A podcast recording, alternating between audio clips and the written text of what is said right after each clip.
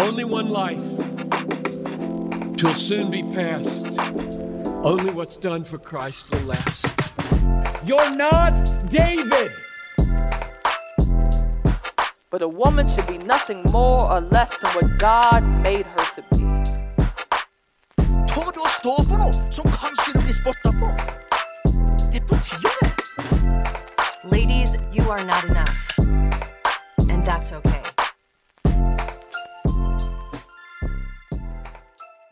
Er dere klare for neste punkt? Yes. Eh, summen av Guds ord er sannhet. Eh, Amen. Nå, ja, for det er akkurat det. Nå sitter du kanskje hjemme og tenker hva søren? Det er jo sant. Og det er det. Men det er en grunn til at vi har eh, at det kvalifiserte på lista. Eh, kan du ikke fortelle litt om det, Jo, jeg kan, eh, det her er jo et bibelvers. Det er fra Salme 119, også fra vers 160. Der står det Summen av ditt ord er sannhet. Dine rettferdige lover varer evig. Og jeg kun, altså dette er jo sånn som jeg kan bruke sjøl i samtale, fordi at jeg mener at det er, det er, jo, det er sant, det er rett. Mm. Så mer grunnen til at vi førte den opp, var mer at Iallfall jeg har hørt den brukt i eh, Hvis noen sitter og diskuterer, eller det er et tema, uenighet om et tema i Bibelen, og så gjenger noen gjennom en tekst, og så kommer den andre bare Ja, ja, men summen av Guds ord er sannhet. Og da blir jeg sånn Hei, hei, hei. Dette, eh, den er veldig sleip, da. Fordi at eh, du bare slenger inn i bibelverset som å trumfe gjennom at eh, min, min tolkning av summen av Guds ord er sannhet, den er, eller, den er liksom eh, riktig. Og eh, da kom du med noen veldig gode råd, Vilde. Men eh, for hva skal man gjøre hvis man Det er ikke sikkert alle opplever dette, da, men det er jo mest har Eller iallfall jeg opplevd det, Mm. at man går gjennom en tekst, og så vil man kanskje ikke forholde seg til teksten. Fordi at 'Å, dette var for krevende', Mm. eller 'Jeg vet ikke hva det betyr', så sier man 'Ja, ja, men summen av Guds ord er sannhet'. Mm. Hva skal man gjøre da, Vilde? Det må man gjøre, da, hvis en får den i, i fleisen, holdt jeg på å si.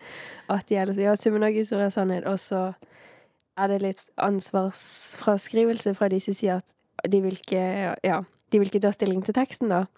At en da kan si Det er helt sant. Eh, har du noen andre vers som snakker om samme tema? Ja. Vi må jo se på Altså, det er jo kjempeviktig å se på summen av Guds ord når en snakker om et tema. Eh, men en kan ikke bare slenge ut den uten å komme da med en En, en må fullføre, fullføre argumentet sitt. Eh, og det er jo eksempler i Bibelen der eh, ting blir tatt ut av kontekst. Eh, for eksempel der Eller em, da Jesus blir frista i ørkenen av djevelen. Um, og, og djevelen liksom siterer bibelvers og tar det ut av konteksten, men Jesus vet jo han vet jo konteksten, så han, han lar seg ikke friste. Men, så det er jo kjempeviktig å ikke ta ting ut av kontekst. Så det er jo et godt argument mot noen som tar ting ut av kontekst. Ja. Men da er en jo nødt til å vise altså andre vers som snakker om det samme. Eh, og så kommer vi til noe etterpå som jeg skal Jeg tror kanskje jeg sier det etterpå, og så peker jeg tilbake til dette. Ja. det er min plan. Ja. Det er bra. Eh, er det noen flere tanker med om det før vi Nei. Nei. Eh, ikke Ja. Eh, vår neste klisjé er eh, 'døm ikke'. Ja. Ja. Ja. Det som er Det som er veldig sånn vanskelig med denne her Eller ikke vanskelig, men det som Det er jo at det er jo et bibelvers, dette. Mm. Og er det ikke flere Jo, det står, bibelvers? det står flere plasser i Bibelen. Eh, jeg har skrevet ned eh, Matteus 7, eh, Lukas eh, 6, 37. Eh, at det står 'døm ikke for at ikke du skal bli dømt sjøl'. Står ca. det samme begge plassene. Eh, så det er jo altså Det står jo veldig tydelig 'ikke døm'.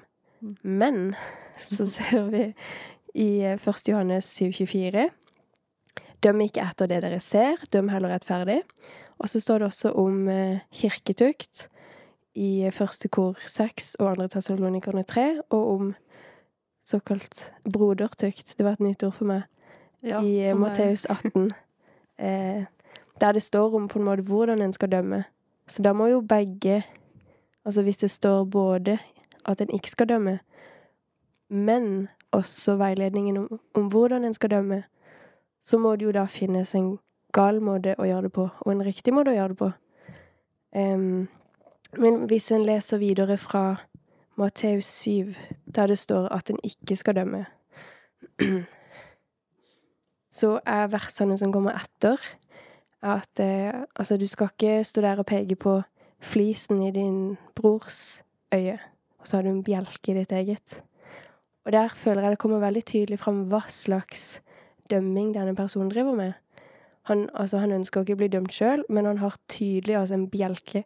Se for deg noen som har en bjelke i øyet sitt. Det er jo helt, helt vanvittig. Det det er jo ikke til å unngå, holdt jeg på å si, å få med seg det. Ja. Så der er det jo noen som er skikkelig hyklersk, da, og driver og peker på andre, men er ikke interessert i å kikke inn i seg sjøl eh, og ta oppgjør, da. Ja, for det er jo det som ligger latent i oss, at eh, vi Det er jo veldig lett å finne feil hos andre hvis man bare leter, men eh, Og så vil man rettferdiggjøre seg sjøl og alt det man sjøl gjør. Så det er jo Det er jo noe Det ligger jo noe veldig viktig her, men det som det ofte blir brukt til i dag når folk sier det Jeg hører det ofte av folk som ikke er kristne, og bruker det mot kristne. At hvem er du til å dømme? Og eller sier at vi skal ikke dømme noen, for det er jo ingen som er perfekte uansett. Men dette Da begynner vi å gå på litt ville veier, for vi vet jo at Vi vet jo at ja, ingen av oss er jo perfekte, av vi som er kristne.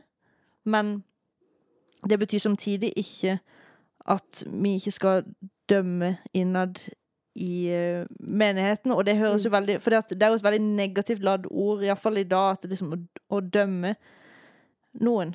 Da Mm. tenker du at liksom du bare forkaster hvem det er, alt de gjør, og, Mm. og alt sånn. Men jeg tror det stender jo om dette konkret i Bibelen, med åssen man skal dømme. At det, vi skal ikke dømme de som er utforbi, altså de som ikke er frelst. Det er ikke de vi skal gå rundt og dømme vi som enkeltmennesker, men det stender jo Er det ikke de som er innenfor, dere skal dømme?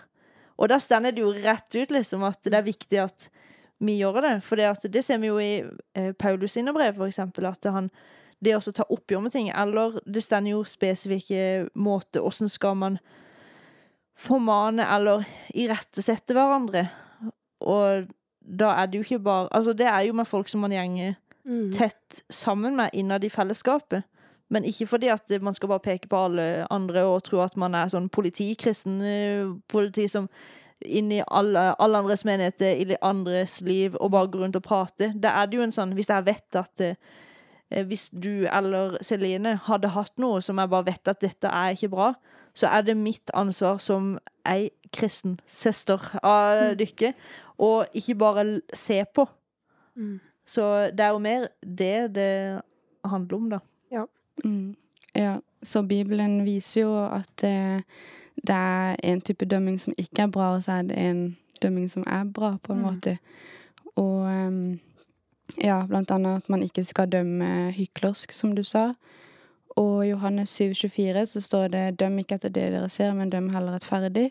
Så hun skal ikke dømme urettferdig.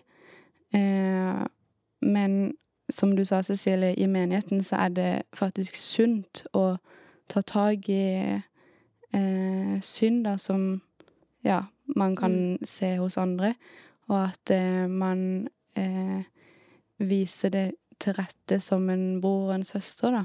Mm.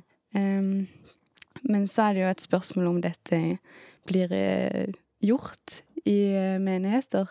For jeg tror at eh, mange kan nok kjenne på at det kan være ubehagelig, eller man er redd for å støte noen.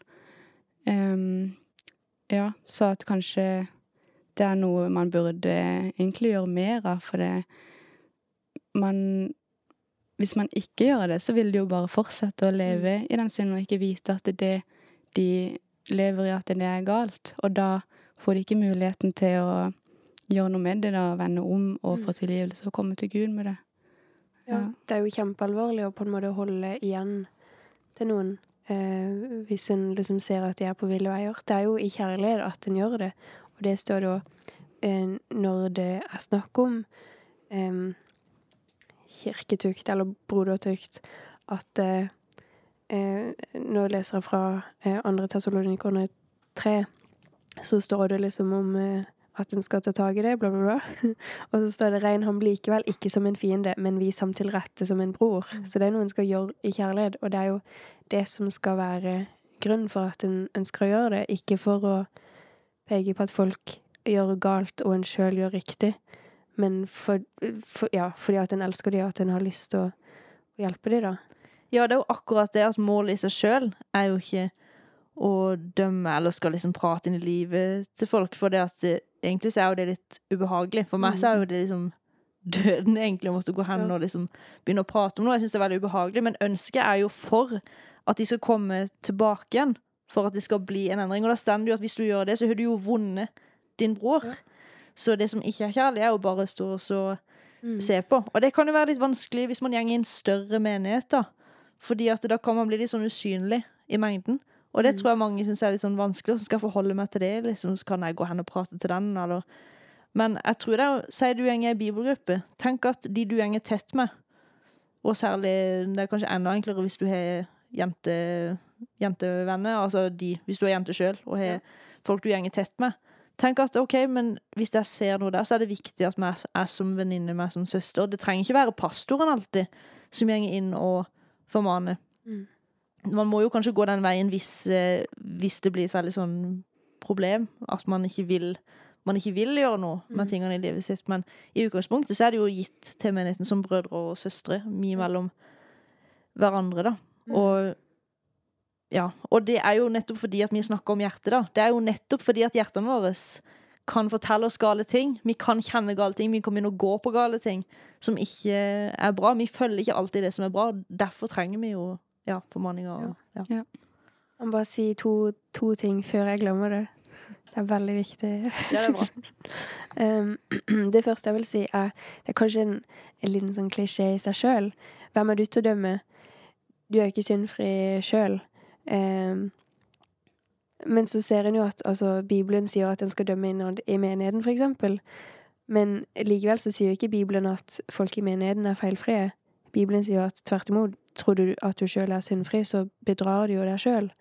Så det er jo noe som eh, Som Bibelen Eller som blir holdt fram da som noe en skal gjøre eh, likevel, da.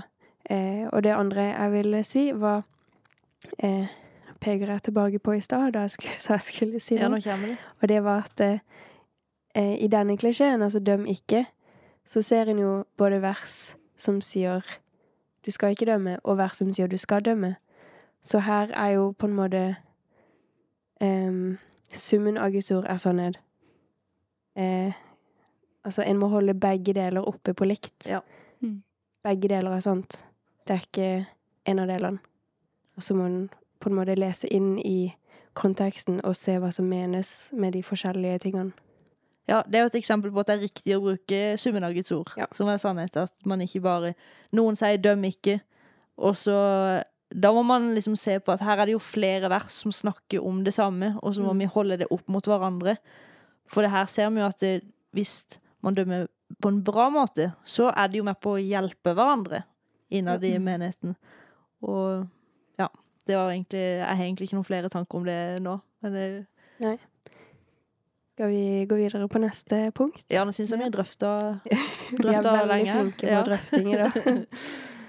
Eh, Neste punkt er eh, I GT var det bare bud og regler. Ja. Ja. Var det bare bud og regler? Ja. Nei, videre.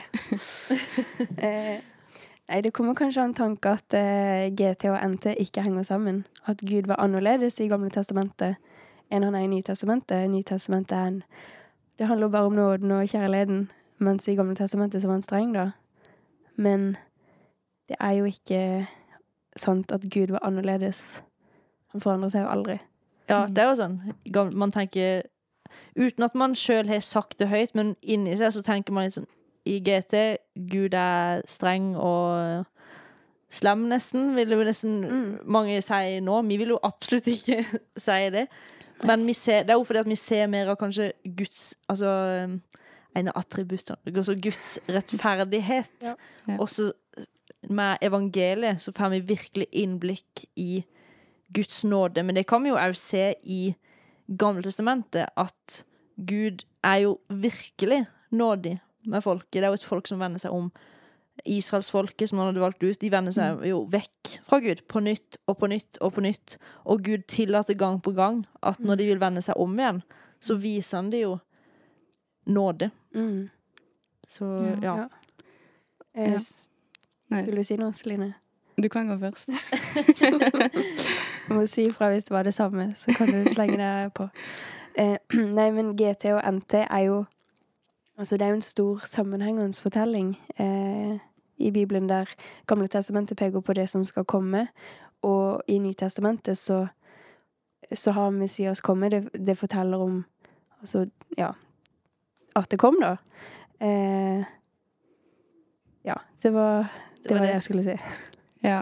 Nei, jeg bare tenkte på at eh, det er jo sant da at det er jo Gud kom jo med en del bud og regler i Gamle testamentet, men det var jo en hensikt med det.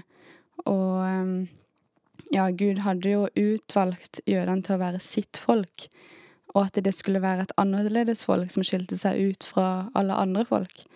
Eh, og de skulle være et hellig folk, sånn som Gud er hellig. Og gjennom de eh, de budene, da, så kan de bli Ja, da blir de mer hellige.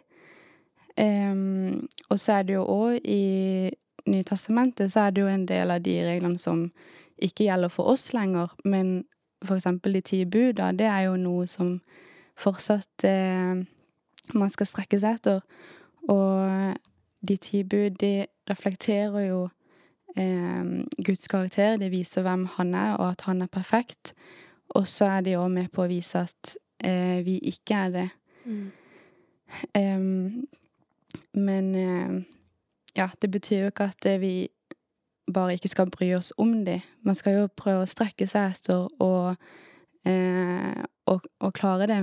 Men i oss sjøl så klarer vi jo ikke det. Men eh, Gud har jo gitt oss Den hellige ånd som renser oss for synd og vil hjelpe oss i dette og vil eh, skape i oss den eh, viljen og gleden over å følge hans sine bud. Um, Ja, for loven i Gamle testamentet, den var jo god. Det var ikke sånn at det var en forferdelig lov som eh, Gud ga, men loven var jo aldri meint til at vi skulle bli rettferdige med den. Det er ikke sånn at de i Gamle testamentet OK, alle de ble eh, rettferdige av gjerninger, mens eh, i Nytestamentet, da er det bare Da er det bare nåde. Men at du ser jo eksempel Abraham, det stender jo om i Rom, eh, romerbrevet, at han ble rettferdiggjort et tru, altså at han trodde Gud, og han ble regna som rettferdig. Så et, noe av dette her er jo litt vanskelig å forklare, for det er jo så mye, men det, det som er poenget vårt, er at vi må ikke sette et sånn skarpt skille som om det er to forskjellige historier med Gamletestamentet og Nytestamentet, for Gamletestamentet peker jo fram mot at Jesus skal komme. Og Det er ikke sånn at Gud er annerledes på den måten i GT, og så er han annerledes i NT. Hele loven peker jo fram mot Altså Med loven kommer erkjennelsen av synd. Det var det som var lovens funksjon, at de skulle skjønne at i seg sjøl så klarte de ikke å holde den. Ikke for at, eh, fordi at i oss sjøl så klarer vi ikke det, og det er det loven viser. Og så var Gud nådig på den tida. da. Og så er det jo en nådens tid på en spesiell måte nå i Nytestamentet. Det er en bedre pakt vi har fått del i. Og Gud har gitt av sin ånd å virke i oss til å både ville og gjøre det som er hans vilje. Så her, Det er jo mange ting her, da, men poenget er at, å vise at det henger sammen, sånn som du ikke forklarte. At det er en det er én fortelling. Det er ikke sånn at GT er en egen fortelling, og så er Nytestamentet noe annet. Ja. Jeg syns uh, vi har dekka, dekka det bra. Jeg har ikke noe Alt jeg hadde planlagt å si, det sa dere ber. Så da, skal jeg, da dropper jeg det. eh, men vår neste klisjé Vil du ta den, Cecilie? Ja, det er noe som jeg har hørt veldig ofte i det siste, og faktisk mest fra konservative kretser, så det er derfor jeg syns han var litt gøy. For mange av de andre så kan man tenke at å ja, ja, eh, folk som er liberale, de bruker disse versene. Men her er det jo, føler jeg liksom dette tar litt inn til våres eh, i konservative kretser, der man sier at vi er mer for ting enn vi er mot ting. Og det bruker man spesielt i eh, Jeg vet ikke om vi kan kalle det for en klisjé, men det var bare litt gøy å ta den med uansett.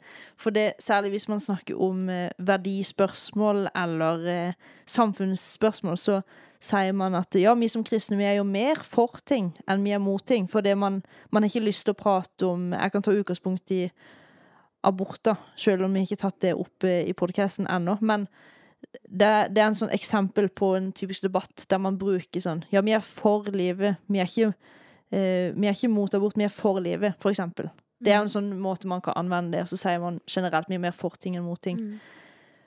Men egentlig så gir ikke den setninga helt mening, for du kan ikke unngå at hvis du er mot noe, eller hvis du er for noe, så blir du automatisk mot noe.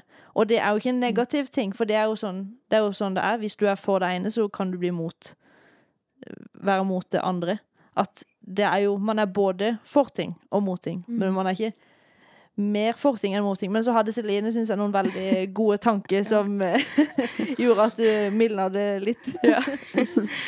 Uh, ja, nei, jeg kan jo for Eller hensikten er jo kanskje at Eller de som bruker det, da. At um, At kanskje andre har et inntrykk av at kristne de er bare mot masse ting. Eh, så derfor vil man heller ha et fokus på at man er for ting, for det er mer positivt. Men som du sier, hvis man er for noe, da betyr jo det at du er mot noe, så det gir jo ikke helt mening. Og dette gjelder jo ikke bare for kristne. Dette gjelder jo alle som har en mening om noe, eller er eh, for noe, så er de imot noe annet. Er de imot noe, er de for noe annet. Ja. Ja. Eh, så det er jo Eller sånn, det blir jo kanskje brukt for å ikke virke liksom streng og kritisk og kjip. Og det er jo, ja, i samfunnet i dag så vil jo kristne være naturligvis på en måte imot en del ting som samfunnet er for. Og da blir det liksom Å, de kristne, de er så kjipe og strenge og Altså, de er imot så mye. Men altså Ikke-kristne er jo imot like mye ting sjøl. Mm. Ja, så det, det er jo sånn Det gir ikke mening å, Ja. å si den setninga. Nei, og så er jeg veldig enig det som jeg er veldig for, det er jo å løfte fram de tingene man er for. Mm. Grunnen var egentlig bare å snakke om denne setninga, som ja. jeg syns er bare så morsom hver gang noen sier den. For det er sånn Ja, jeg skjønner hva du mener, men den setninga gir egentlig ikke mening, for man er jo mot noe, selv om man er for noe. Men jeg er veldig enig i praksis at det er viktig å løfte fram ting man er for. Ja. For i dag så blir vi ofte stempla som eh, Nå er vi bare kvinner her, men eh, man bruker ordet mørkemann, og man kan Man må være veldig forsiktig, eller mange Man føler man må være forsiktig med hva man sier, for man blir stempla så fort som negativ og som motfolk at jeg skjønner at den måten å få fram det man er for, at man, er, man har noen verdier Hvorfor er man mot noe? Jo, det er fordi at man har noen verdier i bånn som man er for, som gjør at når noe strider med det, så vil man jo så vil man jo løfte det fram som noe godt. Men hvis du ser i brevene òg i Nytestamentet, eller gjennom hele Bibelen, så ser vi jo at det, det, det finnes noen ting som er rett, og som er godt, og så finnes det òg noen ting som Gud ikke har behag i, og begge deler er tydelige. Men det er ikke sånn når Paulus skriver brev, men vi er jo mer for noe enn vi er mot noe. Men han legger jo liksom fram begge deler, at Ja. eh, dette er bra, dette er ikke bra. Mm. Sånn, ja. Så det, det tror jeg jo er litt sånn vi, vi kan ofte si den setninga for at det høres litt bedre ut. da At vi er Ja. mer for noe enn mot noe. ja, Skal vi ta dagens eh, siste klisjé? Nå har det vært eh, mange mange gode, eller dårlige, gode dårlige dårlig. klisjeer. Ja. Eh, Men den siste vi har tenkt på, er du må elske deg selv før du kan elske andre. Ja. Ja. Det hørtes så flott ut. ja. Den har jeg hørt så mange ganger på, på møte. Og jeg vil bare si at mange av disse her har jeg jo sagt sjøl òg, da. Så jeg Men denne her, den er ganske ny. Det er ikke så lenge jeg føler at den har gått, men det har blitt en sånn greie at Mm. flere og flere har begynt å si den. At, som at det, Ja, det står i Bibelen du skal elske din neste som deg sjøl, for det er jo der dette, Ja. Denne klisjeen kommer ut fra. Dette verset, dette kjærlighetsbudet. Du skal elske Herren din Gud av hele ditt hjerte, av hele din sjel, all din kraft, all din forstand og alt dette her, og at du skal elske din neste som deg sjøl. Det er sånn du oppfyller loven. Og da bruker folk den, det verset, som absolutt ikke handler om oss sjøl, som hadde egentlig mye avkall på seg sjøl, til å handle om at Men jeg kan jo ikke elske andre før jeg elsker meg sjøl. Ja. Og det som er At det er er jo noe Noe sant i dette her. Fordi at Det er ikke bra å gå rundt og liksom Altså, vi er jo kalt til å ha liksom, være trygge i oss sjøl, være Ja. trygge i hvem vi er i Jesus, være trygge i hvem vi er i Kristus. Det er bare sånn 100% kommer an, liksom. Det er veldig bra. Men poenget i det verset er jo at vi i utgangspunktet elsker oss sjøl. Vi er egoistiske. Vi vil oss sjøl vel. Det trenger ikke bare være ego, men vi, er, vi ønsker oss sjøl vel. Vi tenker ofte først på oss sjøl. Ja, hva vil jeg? Hva ønsker jeg? Og, men at du skal elske dine neste som du elsker deg sjøl. Mm. Du skal tenke like mye på andre enn bare ditt eg, dine egne ønsker. Det er jo det som er med poenget i Ja. verset. Og det er jo veldig radikalt, for det, at det er ikke det i utgangspunktet som ligger naturlig for oss. Men så har man tvista dette verset da, på å handle om at eh, egen eh, kjærlighet, da. Mm. Ja. Og det kommer jo kanskje fra en tanke om at eh, mennesker i dag ikke har høye nok tanker om seg sjøl, så vi må bare få fram at eh, ja, at man må elske seg sjøl. Eh, men så tror jeg ofte problemet kan være motsatt, at mennesker egentlig er veldig selvopptatte. Eh, og at Ja. Og som du sa, at her er jo poenget at man skal elske andre eh, slik som du elsker deg sjøl. At det, det er på en måte i utgangspunktet en selvfølge at man eh, vil godt for en sjøl, da. Eh, så dette handler jo egentlig mer om eh, ja, eh, den, eh, den gylne regel, er det man kaller det? Eller Ja, du skal mot andre ja. Ja, det du vil at andre skal gjøre mot deg, skal du gjøre mot andre. Mm. Det er jo egentlig det det handler om, at det, Ja, man ønsker jo at andre skal gjøre godt mot en sjøl, Mm. så derfor eh, Ja, må man elske Ja. andre.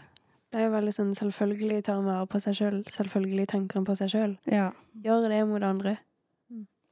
Ja, Ja. og så samtidig så må vi jo kunne løfte fram at det er, det er veldig vanlig da, å streve Altså, jeg har jo møtt mange unge jenter som Og jeg tror vi sjøl òg kan kjenne på det at det er vanskelig i vår kultur med selvbilde, og fordi man blir alltid eksponert for noe som er bedre med sosiale Mm. medier, og det er alltid noen som har det bedre enn deg, og så blir du sittende og alltid Ja.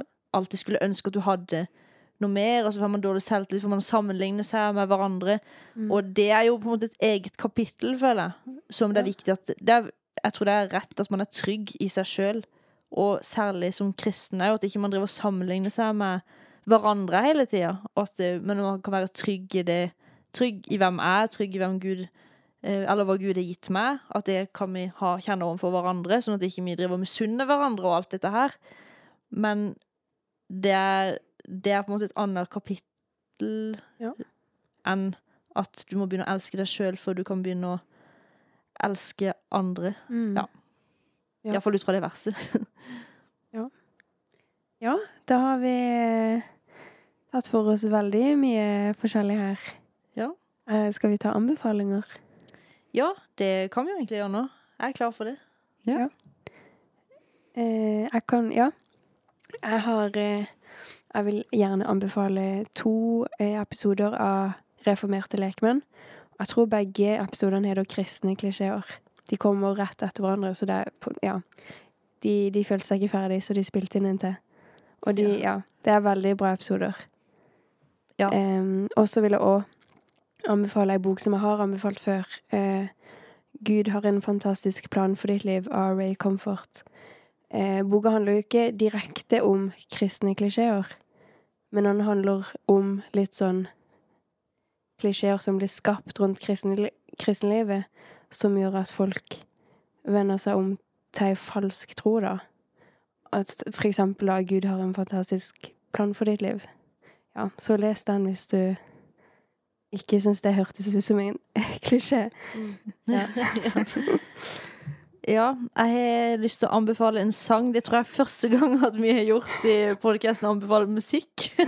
Men den er veldig tett knytta opp til det temaet som vi har nå med kristne klisjé. Det er en sang av Casting Crowns. For de som har vært eh, kristne så er det sånn du må ha hørt om eh, Casting Crowns. Mm. De har veldig mye bra tekster som ikke er sånn typisk lovsang. Og der har de en sang som heter Second Opinions, der de snakker om åssen vi som kristne vi tar ut sånne vers som høres eh, veldig fine ut, og så tvister vi det om til noe som bare ikke er egentlig bibelsk i det hele tatt, da. Så eh, ja, den er de som Og hvis du er litt glad i country, sånn som meg, så kommer du til å synes at den er veldig Veldig kul. Han tar litt oppgjør med sånn konkrete setninger og sånn, da. Så han er veldig morsom, denne Ja. sangen. Eh, 'Second Opinions' av Casting Crowns. Jeg syns den er veldig bra. Jeg har aldri hørt en lignende eh, sang før, men eh, ja, anbefaler den. Jeg måtte høre på den i går. Gjorde du det? Jeg koste meg. Syns den var gøy? Ja, det var Ja. veldig gøy. Så jeg stiller meg bak anbefalinga di. Så bra. Ja. Er, det, er det det vi har av anbefalinger for uh, Ja, denne gangen? Jeg tror det. Ja. Fire anbefalinger er jo nok. Det tror jeg holder for Ja. en episode. Ja. Men jeg må si, Celine, du har vært vanvittig flink. Du, Jo, takk. Ja, det så var gøy. gøy å være med. Så bra. Det var veldig gøy. Jeg føler jeg har tvunget deg til dette, men det var veldig gøy å ha deg med. Takk for at Ja. kom. Ja. Tør ikke si noe annet. Endelig et ansikt bak på en måte alle meningene som du egentlig har kommet med i andre episoder, men som jeg, jeg har stjålet da, og sagt at det er mine egne. Men eh, folk må fortsette å eh, sende inn uh, mail eller uh, sarapodden krøllalfa teologitavla.no. Det er jo mailen vår. Mm. Fortsett også å sende inn uh, ting på stories, og vi fikk jo noen klisjeer der på Ja. stories som, som vi har lagt ut der, så de som har lyst til å følge litt ekstra med. Og så gjenger du an å Jeg har ikke det Vipps-nummeret til teologitavla. Ja, da kan du ta det, Ja. Hvis dere har lyst til å støtte Teologitavla og arbeidet som ble gjort, så kan dere vippse til 692-607, eller gå inn på, på um, teologitavla.no for mer informasjon. Der, ja. Da sier vi takk for denne gang, og så ses vi snart igjen med en ny episode, eller høres med neste episode. høres. Ja.